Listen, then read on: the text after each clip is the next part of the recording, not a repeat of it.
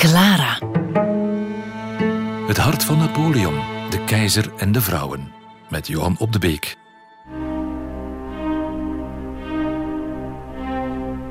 Laten we niet vergeten dat het ondertussen nog altijd uh, oorlog is met uh, Oostenrijk. En op 5 mei gaat uh, de eerste consul opnieuw zijn taak als legerleider opnemen. En hij gaat een van de grootste, ja, misschien de meest legendarische prestaties uit zijn carrière leveren. Hij gaat met zijn leger uh, het onmogelijke doen. Hij gaat de Alpen overtrekken, een verrassingsaanval op Noord-Italië. En hij gaat daar zijn tweede Italiaanse veldtocht uh, meemaken. En het is, het is um, op dat moment heel duidelijk dat het consulaat en ook Napoleons positie absoluut nog niet stabiel is. Uh, want hij is nog niet goed weg uit Parijs en daar begint het al. Uh, er wordt al gespeculeerd op misschien gaat hij wel sneuvelen en wat gaan we dan doen? Terwijl Napoleon natuurlijk wil dat het land stabiel blijft en dat willen velen met hem. Maar als dan, hoe gaat dat in die tijd? Ja, dat is niet zoals vandaag. De communicatie verloopt heel traag, soms wekenlang voor je weet hoe het in een veldslag is afgelopen. En dus af en toe komen er berichten van tegenslagen. Hij is gewond, hij is dood en dat soort dingen meer. En dan zie je dat Josephine toch uit stevig hout is gesneden hoor. Want zij gaat het hoofd koel houden, terwijl ondertussen op een bepaald moment al uh, zelfs zijn eigen broer, Joseph Bonaparte, zich al naar voren aan het schuiven is als de opvolger dat Talleyrand en Fouché, de perfide Fouché, politieminister, zich al aan het positioneren zijn in het post-Napoleon-tijdperk, gaat zij als, ja, als uh, vrouw van de eerste consul, zij gaat eigenlijk alle aandacht naar zich toe halen en ja, Napoleon spelen terwijl hij eigenlijk ver weg in Italië is. En het, het, het, zal erop uitdraaien dat ze. Fantastisch verhaal eigenlijk. Is weken, weken weg. Het, men weet niet goed hoe het aan het aflopen is daar. En op een bepaald moment is er een grote receptie eh, op de Tuilerieën en uh, men is daar al volop aan het praten van wat gaan we doen en wie, wie, zou, wie zouden we daar kunnen plaatsen en wie daar. Eigenlijk is Napoleon al dood in hun ogen en zij uh, zij zorgt dat, uh, ja, dat de eerste consul daar is in haar persoon. En ze heeft geluk, want ze zijn in volle, in volle feest als daar plotseling een, uh, een delegatie uit Italië aankomt van het leger. Onder de modder hangen ze en ze hebben 22 Oostenrijkse vaandels mee buitgemaakt door Napoleon op de vijand. Ze gooien die aan de voeten van Josephine, die met een, met een oogje op uh, Joseph Bonaparte en op Talleyrand en Fouché zegt van Tja, ik dacht dat mijn man dood was, maar hij doet het blijkbaar nog zo slecht niet.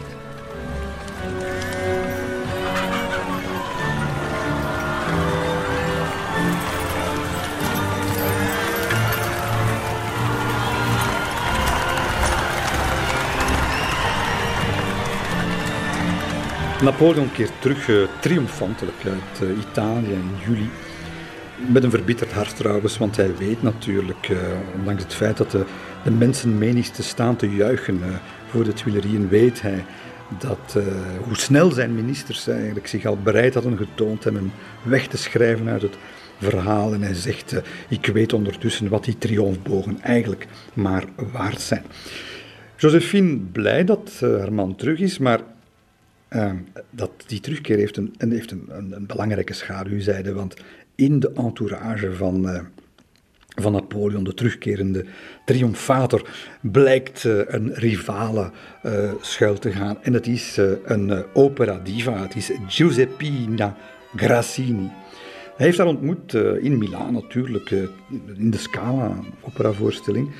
Ja, hij was een groot liefhebber van de menselijke stem, opera-liefhebber.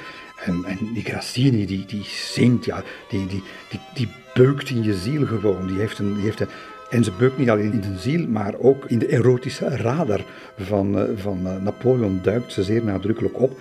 Uh, na het zingen is het meteen het bed in. En, en ze komt mee. Ze komt mee naar, naar Parijs.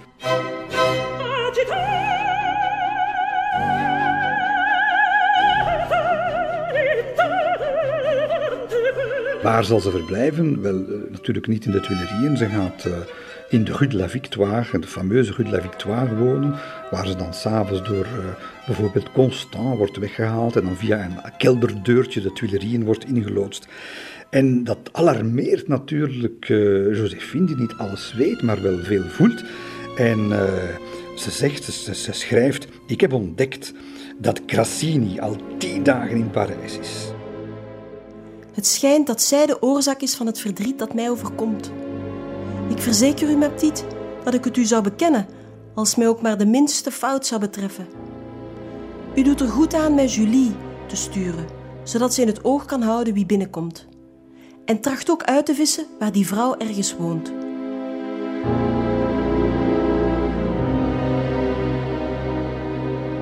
Ja, die brief zegt heel veel over, uh, over de situatie van, van, van Josephine. Zij is niet langer de onmisbare, de vereerde godin van Bonaparte, maar de ongeruste echtgenote, die zich verlaagt tot bespiedingen en achtervolgingen. En ja, eigenlijk, en dat zegt Bonaparte haar ook, eigenlijk zouden die vrouwen helemaal haar probleem niet mogen zijn, want zij, zij, staat, zij is hors categorie, zij is buiten categorie. Trouwens, die Grassini die wordt dan meteen de laan uitgestuurd en wordt dan vervangen door uh, actrices uh, Louise Rolando, Thérèse Bourgoin, Madame Duchesnois. Uh, actrices en, en minaressen meer dan je lief zou kunnen zijn.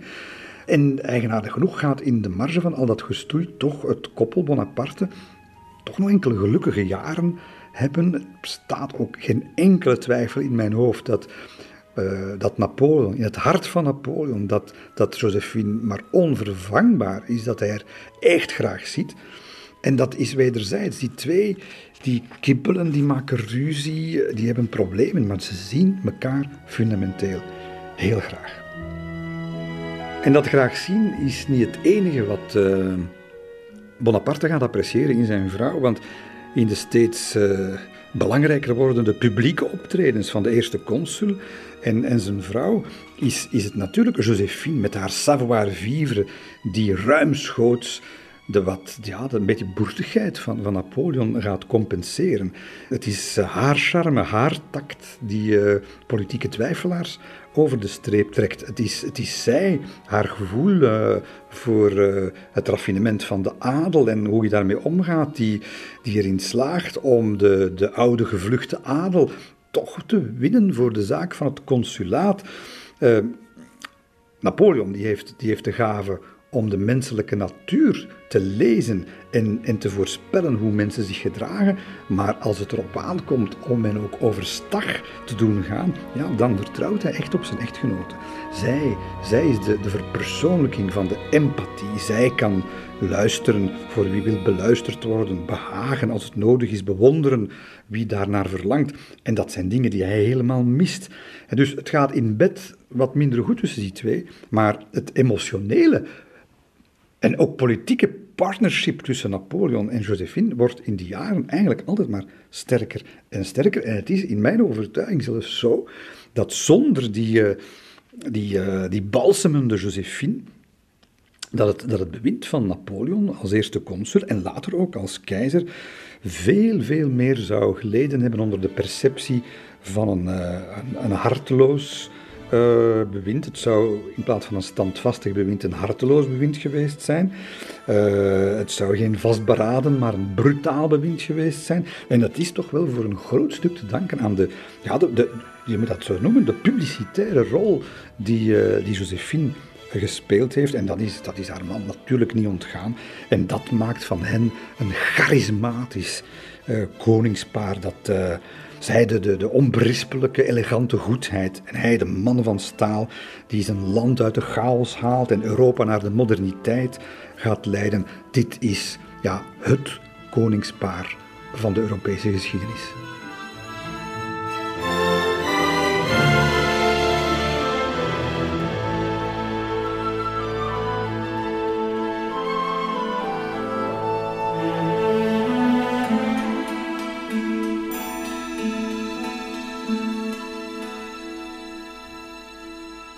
Het is kerstavond uh, van het jaar 1800. Uh, eh, een jaar lang al is uh, Bonaparte eerste consul.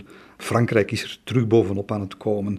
Het, het land, maar eigenlijk ook Europa, wordt qua, qua staatkunde, qua politiek, qua rechtspraak eigenlijk recht naar de, naar de nieuwe tijd geleid.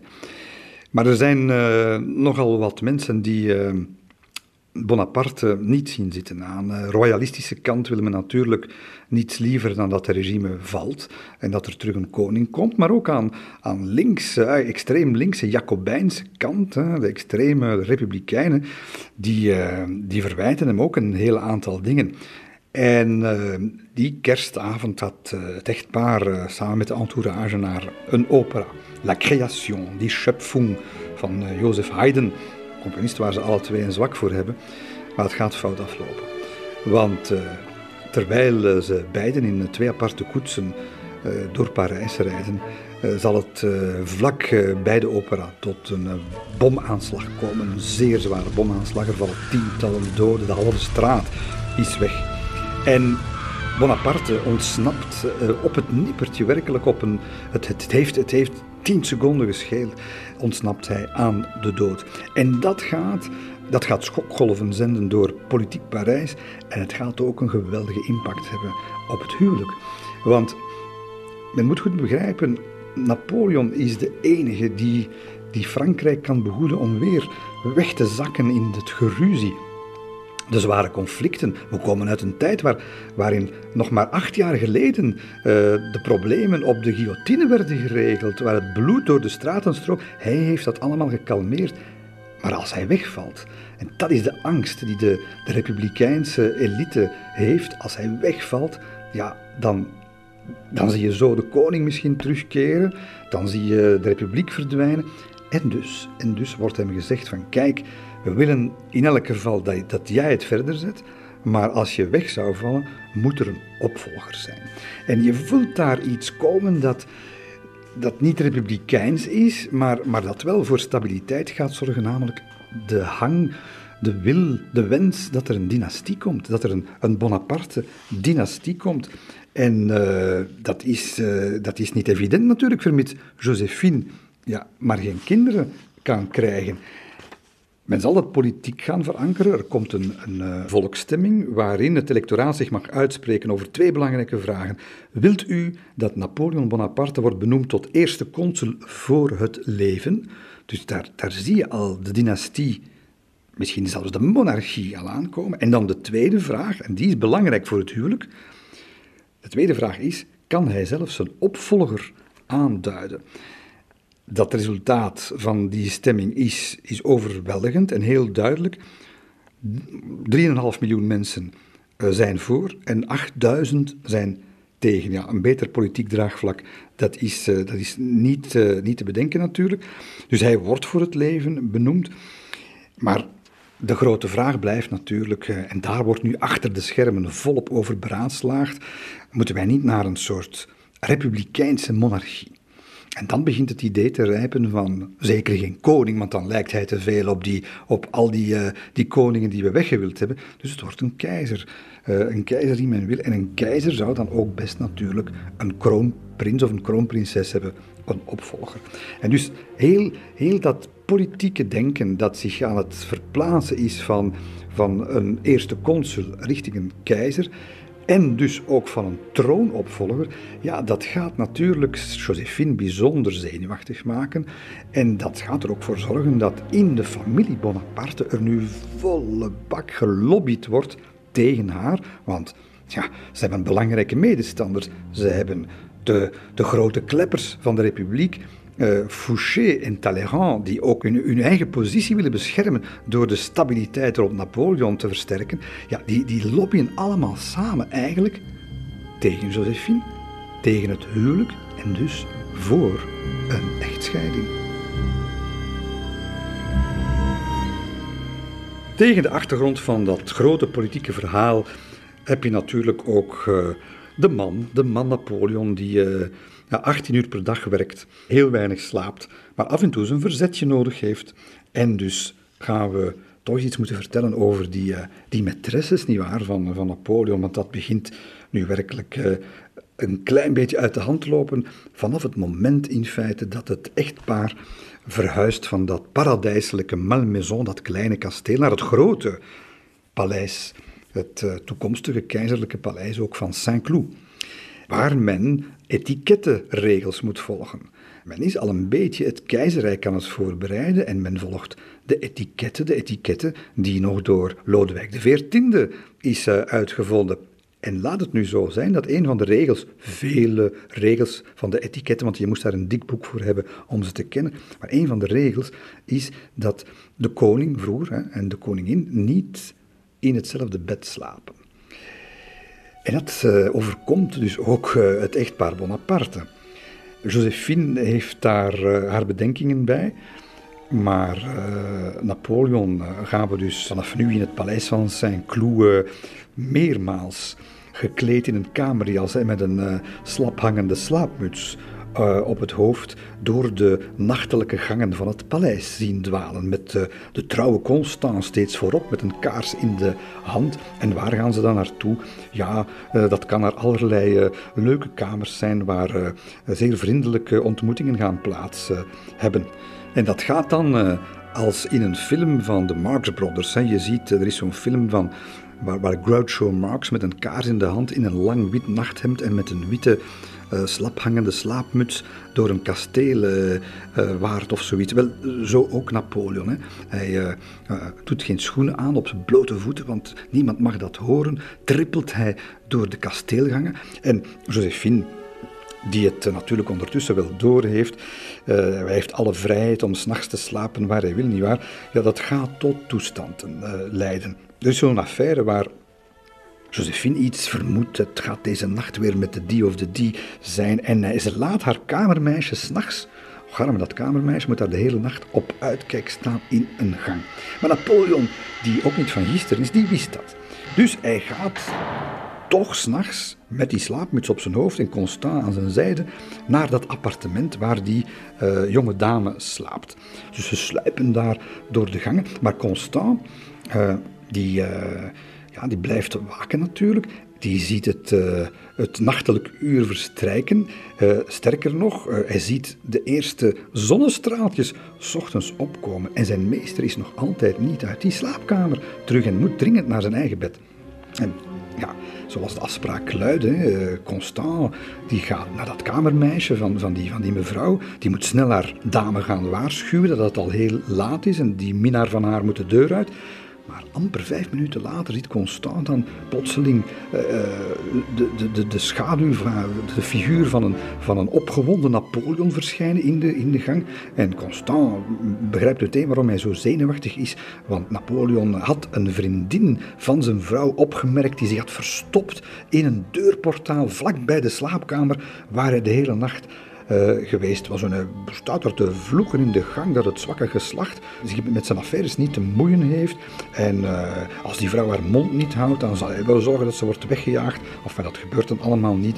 Maar uh, Constant, een man van goede wil, die altijd het goede in de mensen ziet, die vond toch dat zijn baas nog eigenlijk een goede was hoor. Want hij, hij, schrijft, hij deed er alles aan om zijn vrouw zo weinig mogelijk te laten vernemen over zijn buiten echtelijke leven. Trouwens, die avontuurtjes deden geen afbreuk aan zijn gevoelens voor haar.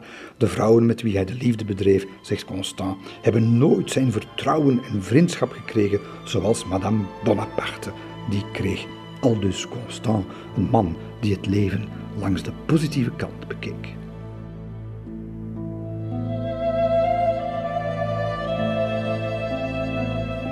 Nu, dat soort uh, prille avontuurtjes, de eerste maîtresses van, uh, van Napoleon, dat was eigenlijk allemaal nogal, uh, nogal flauwe koek en onschuldig en in feite zeer, zeer weinig bedreigend voor, voor Josephine.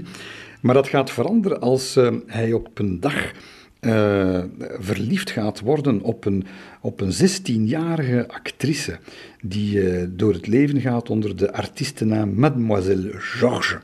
En die mademoiselle Georges, die hij natuurlijk weer niet zo gaat noemen, hij gaat ze Georgina noemen, die, ehm, die weet het uh, toch uh, bijzonder goed aan boord te leggen, want het, het wordt altijd bijzonder laat in Napoleons bed. vijf uur weten we, zes uur, soms zelfs zeven uur in de ochtend als de activiteiten tot stilstand komen.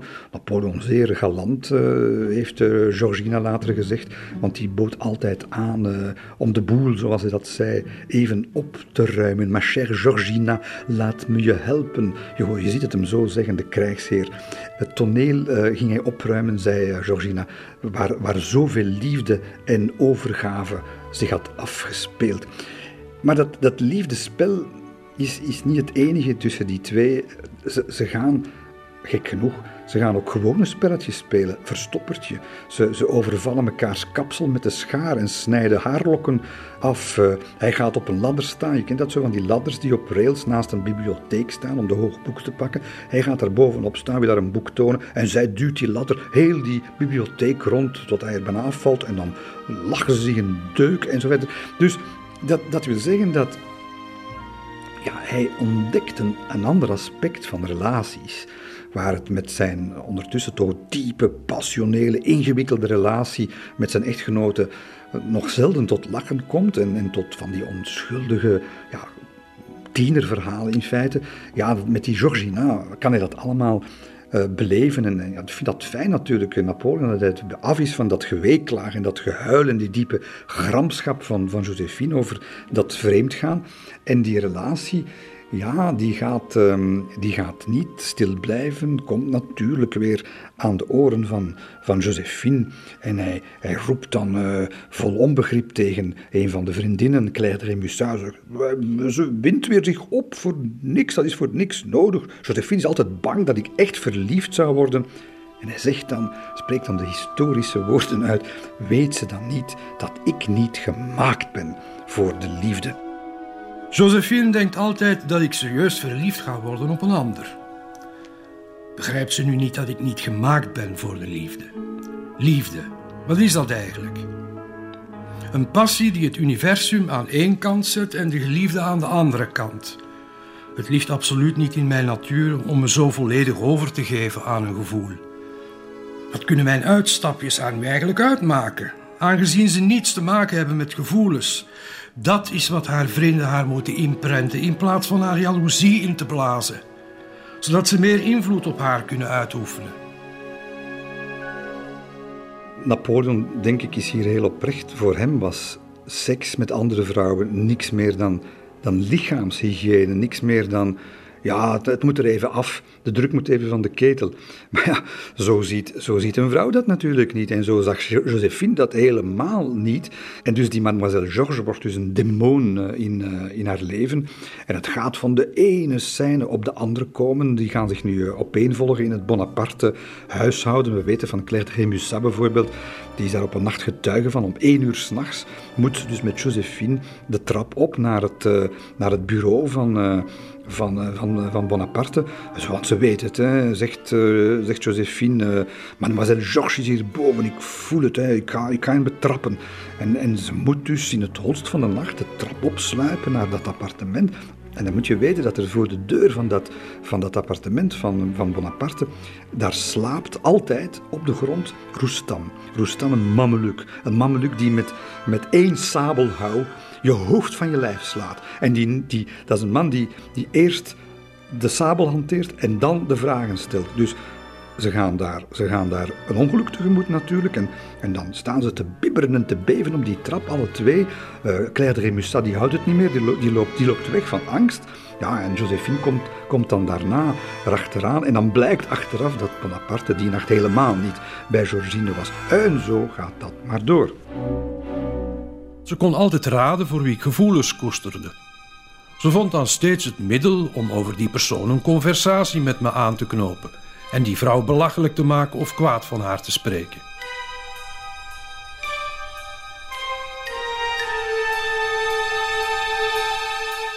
We mogen ook niet voorbij gaan aan de bijzondere rol die eh, Constant in het geheel speelt.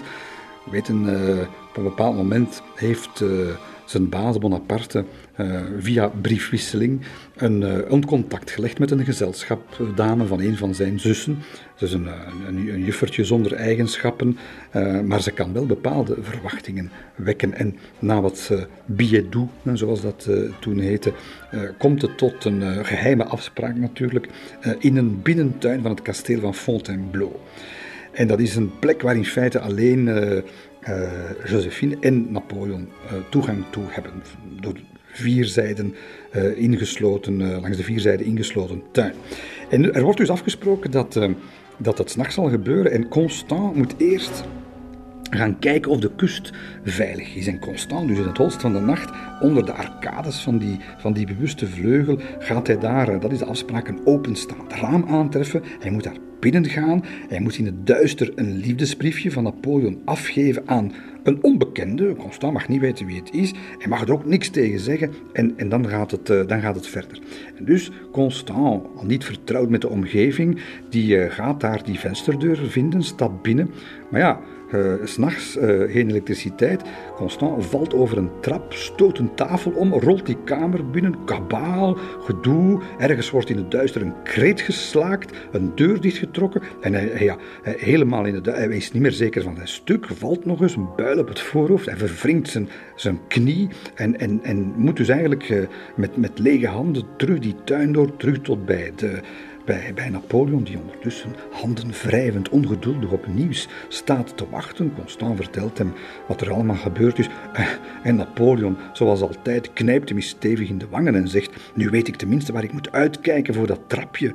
En kom, wijst het mij maar eens op. Constant met zijn, uh, met zijn, met zijn zere been terug door die tuin, terug door langs die arcade. En uh, je ziet ze dan, je ziet ze dan in, je, in je hoofd, zie je die twee dan behoedzaam door de nacht sluipen naar het lief van Napoleon. Uh, uh, Napoleon, de schrik der slagvelden, de overwinnaar van Pruisen, Oostenrijk en Rusland en zijn manusje van alles, Constant. Wat een duo.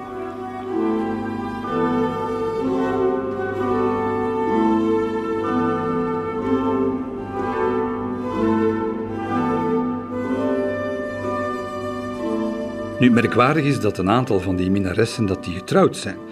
En uh, dat uh, het dus blijkbaar zo is geweest dat een uh, aantal van die echtgenoten zich heel gewillig hebben laten belazeren door hun echtgenoten. Hoe komt dat bijvoorbeeld? Wel, we weten dat van mevrouw Duchatel. Die heeft een man, baron Duchatel. Wel nu, Duchatel, dat wordt toch een van de van de belangrijke minaressen. En die baron de Châtel die gaat overlaten worden met geschenken door, uh, door Napoleon. Uh, deels omdat hij een bekwaam directeur is van, van de overheidsdienst van registratie en domeinen, maar ook omdat hij bijzonder bijziend is geweest als het ging over de activiteiten die zijn vrouw beoefende in de vertrekken van, van Napoleon. Het is trouwens met diezelfde Duchatel dat het op een dag uh, weer eens misgaat. Want ehm, het liefdespaar is in volle bedrijvigheid, uh, als daar plotseling wordt gerommeld aan de gesloten slaapkamerdeur. Napoleon weet meteen, het kan niet constant zijn, die, uh, die doet zoiets niet. Dus hij kleedt zich heel snel aan, herkent vervolgens achter die deur de stem van Josephine, die tegelijkertijd aan het schreeuwen is, op die deur bonkt. Dat is een scène natuurlijk. Châtel helemaal in tranen, verstopt haar gezicht. Napoleon zwiert die deur woest open en roept: U maakt me belachelijk, schandaal. En dat soort toestanden. En dan horen we uh, Claire de Musat, die daar een paar uh, gangetjes verderop het allemaal hoort. Die vertelt dan later, wel enkele, enkele minuten later, hoorden we allemaal kabaal vanuit de kamer van de, van de keizerin. Hij heeft daar wat een tafeltje omgegooid en hij spreekt woorden die Josephine staken als een mes, zegt de Musat. Hij zou luisteren naar iedereen die hem aanraadde te scheiden, omdat ze toch geen kinderen kon krijgen. En Josephine loopt gillend weg. De affaires stapelen zich op en ja, je kunt niet zeggen dat, dat Napoleon ongevoelig was voor de reacties van Josephine, want we weten van verschillende getuigen dat hij, eh, als ze dan, als ze dan in verdriet, uh, in verdriet kapot gaat, dat hij, ehm, dat hij het dan niet meer heeft. Het, zijn momenten waar het leven hem echt naar de keel grijpt. En uh, bijvoorbeeld zijn secretaris Menneval, die schrijft daarover het volgende. Als iemand huilde, had dat altijd effect op hem. Ik heb hem al heel vaak gezien na een jaloeziescène die veroorzaakt werd door de affectieve bezorgdheid van Josephine. En hij was er altijd kapot van. Zo erg dat hij soms uren na elkaar bleef liggen op de divan van zijn werkkamer. Hij bleef dan doodstil liggen en kon zich niet meer aan het werk zetten. Dus je ziet daar dat Napoleon ehm, emotionele kraters slaat bij zijn vrouw en dat eigenlijk niet begrijpt.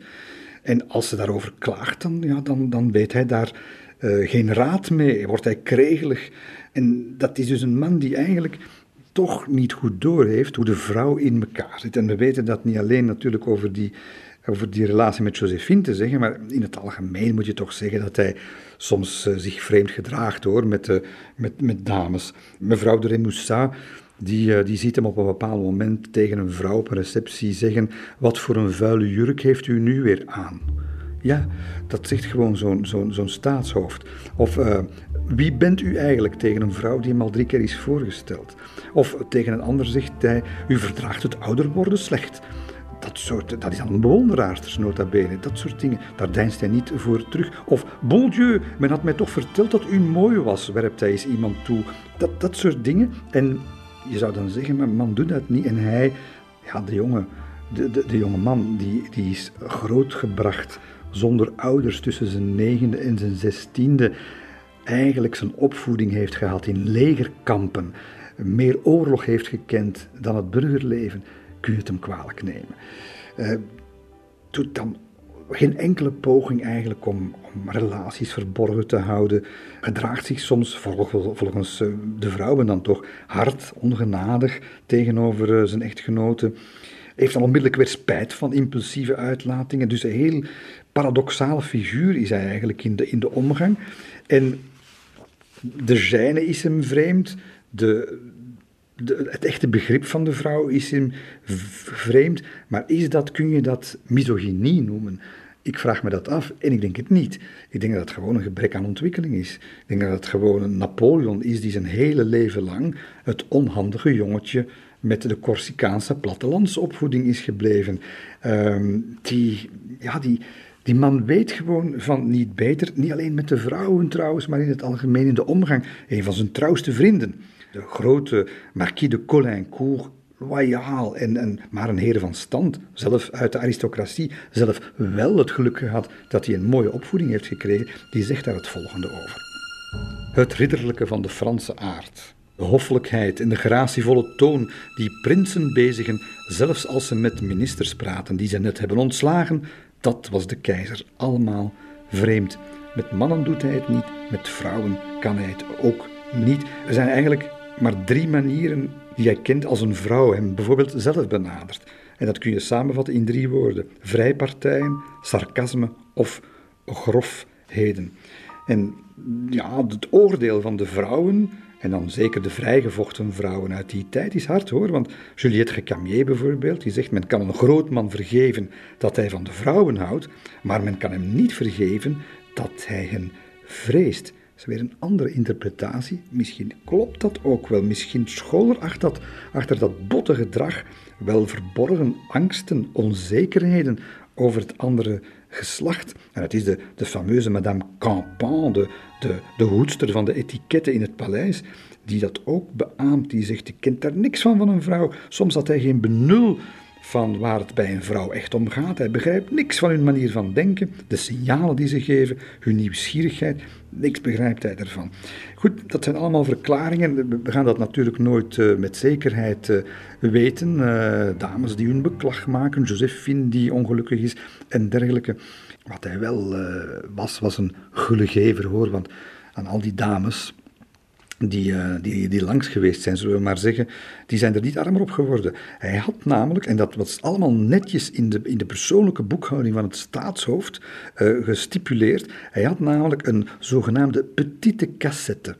Dus dat is eigenlijk de, de, ja, het, uh, het spaarboekje van Napoleon, waar hij zijn zin mee mag doen. En daar in dat, uh, in dat petite cassette, we kunnen dat boekje nog in de, in de Parijse archieven gaan consulteren, daarin tref je een rubriek aan intieme uitgaven.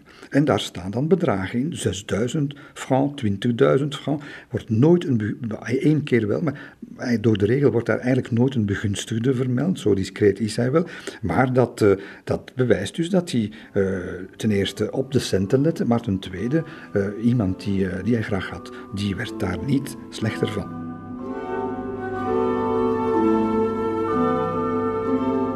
Nu, Napoleon heeft eigenlijk uh, in de loop der jaren is, is eigenlijk zijn avontuurtjes als de norm gaan beschouwen, als de normaalste zaak van de wereld. Terwijl hij, en dat is het, het straffen aan de man, dat hij tegelijkertijd alle anderen aan het hof een heel strikte moraal oplegt. Oneerlijk, oh, volgens zijn persoonlijke morele code waarschijnlijk niet. We weten van Constant eh, dat hij daar anders over dacht. Uh, en wat zegt Constant? Zijn majesteit zei meestal dat men een eerlijk man herkent aan zijn gedrag jegens zijn echtgenoten, zijn kinderen en zijn bedienden. Ja, aan Constant had Napoleon dus dit gemaakt dat immoraliteit, immoraliteit de gevaarlijkste ondeugd was waaraan een vorst zich kon vertillen, omdat een vorst het grote voorbeeld voor de burgers moest stellen. Ja, vraagt Constant zich af, wat is dan die immoraliteit? Uh, vraagt hij aan, uh, aan Napoleon. En dan zegt Napoleon, ja, iets is immoreel als het publiek het weet. Of als er een schandaal van komt. Want buitenechtelijke verhoudingen, zegt Napoleon, op zich is dat geen probleem, zolang het maar geheim blijft. En dan zegt Constant, ik zou durven stellen dat het gedrag van zijn majesteit, zo men wil, niet helemaal het perfecte voorbeeld was van zijn eigen morele opvattingen. Een dubbele moraal, dat is wat we Napoleon zeker en vast kunnen verwijten. En het zou allemaal nog niet erg zijn als hij dat uh, ja, nog een beetje beperkt tot zijn privéleven. Maar de man is staatshoofd. En dan komen we natuurlijk bij uh, de rechtspraak. Napoleon heeft de moderniteit ingeluid. Napoleons uh, Code Civil, de Code Napoleon, is een mijlpaal in de Europese beschaving. Voert uh, de gelijkheid in in het recht is de basis van ons hedendaagse burgerlijk recht.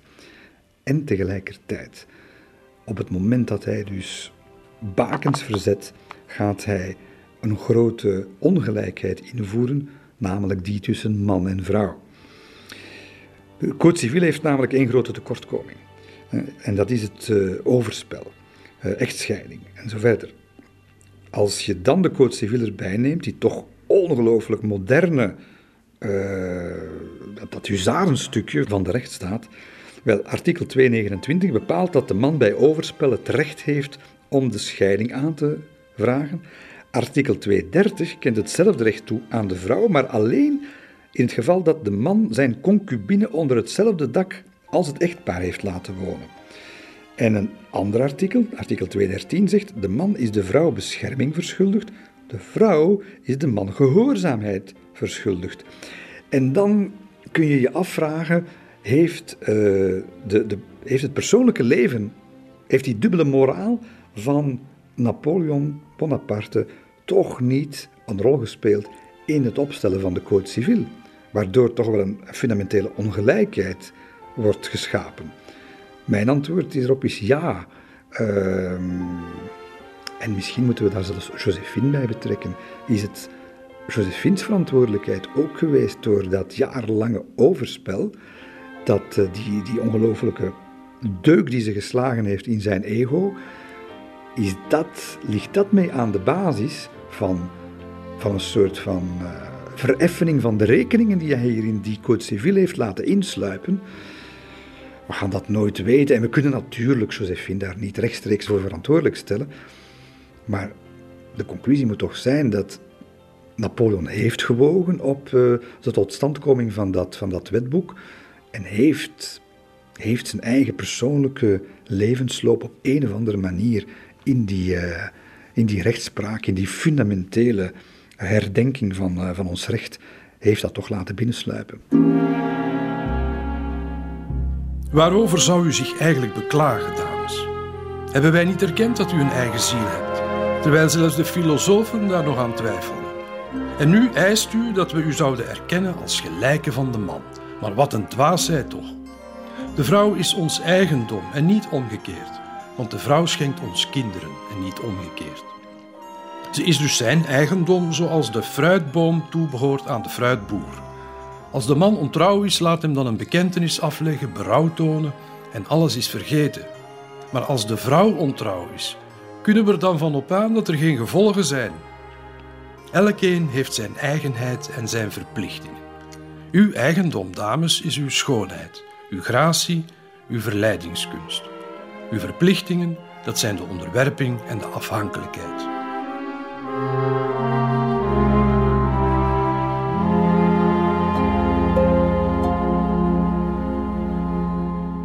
Ja, in totaal zal uh, Napoleon naar schattingen, want we weten dat natuurlijk niet zeker, maar ongeveer 60 uh, minaressen hebben, waarvan er heel veel, uh, de meeste veruit, totaal onbelangrijk zijn, maar wel een paar, zoals we nog later zullen zien, bijzonder zijn en, en, en, uiterst belangrijk geweest zijn.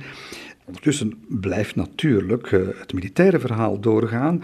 de kern van, van het conflict is natuurlijk de rivaliteit, economische rivaliteit vooral tussen uh, Frankrijk en Engeland al eeuwenlang. En dus in de herfst van 1803, nadat de Engelsen het, de vrede hebben uh, opgezegd, uh, gaat Bonaparte afreizen naar de Atlantische kust om de invasie van Engeland voor te bereiden. Maar je ziet dat ondertussen de liefde, want die is er toch nog altijd, tussen hem en Josephine, dat die niet bekoelt hoor. Want elke dag, elke dag letterlijk wordt er een brief geschreven, hij of zij. En er is een brief natuurlijk van, van Josephine die, die eigenlijk beklijvend is. Je moet je dat toch ook inbeelden, wat eh, we nu gaan lezen, tegen de achtergrond van het gevaar. Het gevaar dat haar man weer eens in de oorlog gaat verliezen, de onzekerheid en de wetenschap dat hij voortdurend bij andere vrouwen is. En dan lezen we. Al mijn zorgen verdwenen toen ik de goede ontroerende brief las, die zoveel uitingen van je liefde voor mij bevatten. Als je het zou beseffen, zou je jezelf een applaus geven, omdat je zoveel geluk in mijn leven brengt. Een brief is een spiegel van de ziel, en deze brief druk ik echt aan mijn hart. Hij heeft me zo goed gedaan. Ik zal hem voor altijd bewaren. Hij zal mijn troost zijn tijdens je afwezigheid, mijn gids als ik bij je ben. Ik wil voor immer in jouw ogen het goede zijn, de lieve Josephine die alleen bekommerd is om jouw welzijn. Er is geen gevoel dat ik niet met je wil delen. Zo groot is mijn verlangen, mijn wens om alles wat je mishaagt te verdrijven en om je gelukkig te maken. Adieu, Bonaparte. Nooit zal ik de laatste zin van je brief vergeten. Hij zit in mijn hart. Hoe diep is hij erin gegrift? Met hoeveel emotie heb ik erop gereageerd? Ja, het is mijn wens je te bekoren, je lief te hebben, of beter gezegd, om je te koesteren.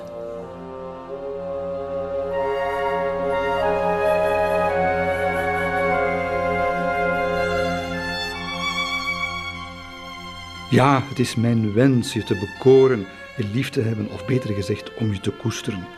Te koesteren, dat is, dat is het beste woord wat je op dat moment tussen die twee kan bedenken. Hij laat zich graag koesteren door haar. Zij die met haar zachte zijde hand over zijn bolletje aait en hem kan kalmeren als hij weer ja, dat, dat, die Hercules-taak op zijn schouders voelt rusten om de wereld te veranderen, oorlogen te voeren, het land stabiel te houden, dan is zij er altijd om hem te koesteren. En hij koestert haar.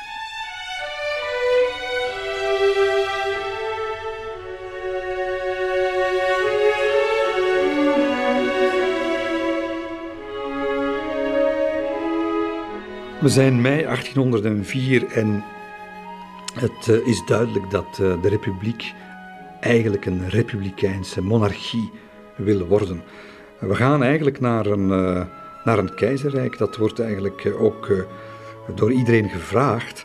En het probleem is natuurlijk het huwelijk van Josephine met Napoleon. Nog altijd geen kind. Integendeel, het wordt met de dag duidelijk dat er nooit een kind zal komen. Ze heeft al tientallen pogingen gedaan om zwanger te worden. Is naar naar sterrenwichelaars, naar vreemde dokters gegaan, naar gewone dokters gegaan, naar kuuroorden en zo verder en zo verder. Ze is al een paar keer schijnzwanger geweest, maar het lukt niet. En die kinderloosheid van dat echtpaar wordt niets minder dan een staatszaak. Want een keizer die hij gaat worden in dat jaar 1804, die moet een troonopvolger hebben. De Senaat. De Senaat heeft al drie keer aan Napoleon gevraagd: hoe ga je dit probleem oplossen? En er staat een geweldige politieke druk nu op dat huwelijk. Tussen haakjes, dat leidt tot grote vreugde in de Bonaparte-klan, die al jarenlang uh, haat koestert ten opzichte van La Vieille, zoals ze haar noemen, Josephine. En, en precies dat eigenlijk gaat, uh, gaat ervoor zorgen dat bij hem, waar eigenlijk al in zijn hoofd de, de scheiding al begint vorm aan te nemen, dat, dat hij nog een laatste keer dat eigenlijk gaat tegenhouden. Vooral als dan ook nog eens Fouché uh, komt, de, de, de ijzingwekkende, de kouwelijke, de politieman, de, de, de Fouché van, van de harteloosheid en de repressie. Die komt hem dan nog eens onder de neus wrijven dat het moet gebeuren, dat hij moet scheiden en dergelijke. En al die druk, al die druk, die gaat er uiteindelijk toen de spotternijen ook, waarvan zijn vrouw het slachtoffer gaat worden. Want ze zien haar al geroyeerd worden, ze zien haar al, ze zien haar al ja, buitengekeerd worden uit, uh, uit uh, de Tuilerieën. Dat gaat hem doen schuimbekken van woede. Want we kunnen zeggen wat we willen van Napoleon, maar hij is een man van het hart. Niet voor niets heb ik mijn boek Het Hart van Napoleon genoemd. De man had een hart. En dat hartzeer, dat de onrechtvaardigheid waarmee zijn vrouw wordt, wordt uh, eigenlijk al afgeschreven, dat gaat hem tot inkeer doen komen. En het wordt de druppel die de emmer doet uh, overlopen. Al die aanvallen op Josephine, hij hoort het allemaal. En hij vindt het zo onrechtvaardig dat hij eigenlijk besluit om onder geen beding te scheiden en dus Josephine keizerin te laten worden. Het zal met deze vrouw zijn en met geen andere vrouw dat hij dat grote avontuur van het keizerrijk wil aanvangen. Mijn vrouw, zegt hij, is een goede vrouw. Mijn vrouw is een goede vrouw, die hun geen strobreed in de weg heeft gelegd. Ze stelt zich er tevreden mee voor keizerin te spelen, diamanten en mooie kleren te hebben en de ongemakken van haar leeftijd te dragen. Ik heb haar nooit blind lief gehad. Als ik haar tot keizerin laat kronen, is het omdat ik dat rechtvaardig vind.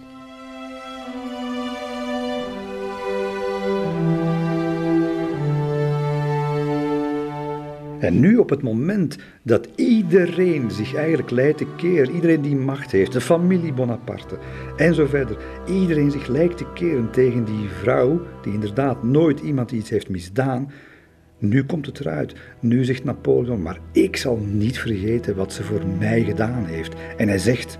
Ik ben een man met een hart en ik ben vooral een rechtvaardig mens. Als ik in de gevangenis was gevlogen in plaats van op te klimmen tot keizer, wel nu dan had Josephine in mijn ongeluk gedeeld en nu ik machtig ben geworden, zou ik haar verstoten. Nooit. Dit gaat me te boven, ik heb een hart.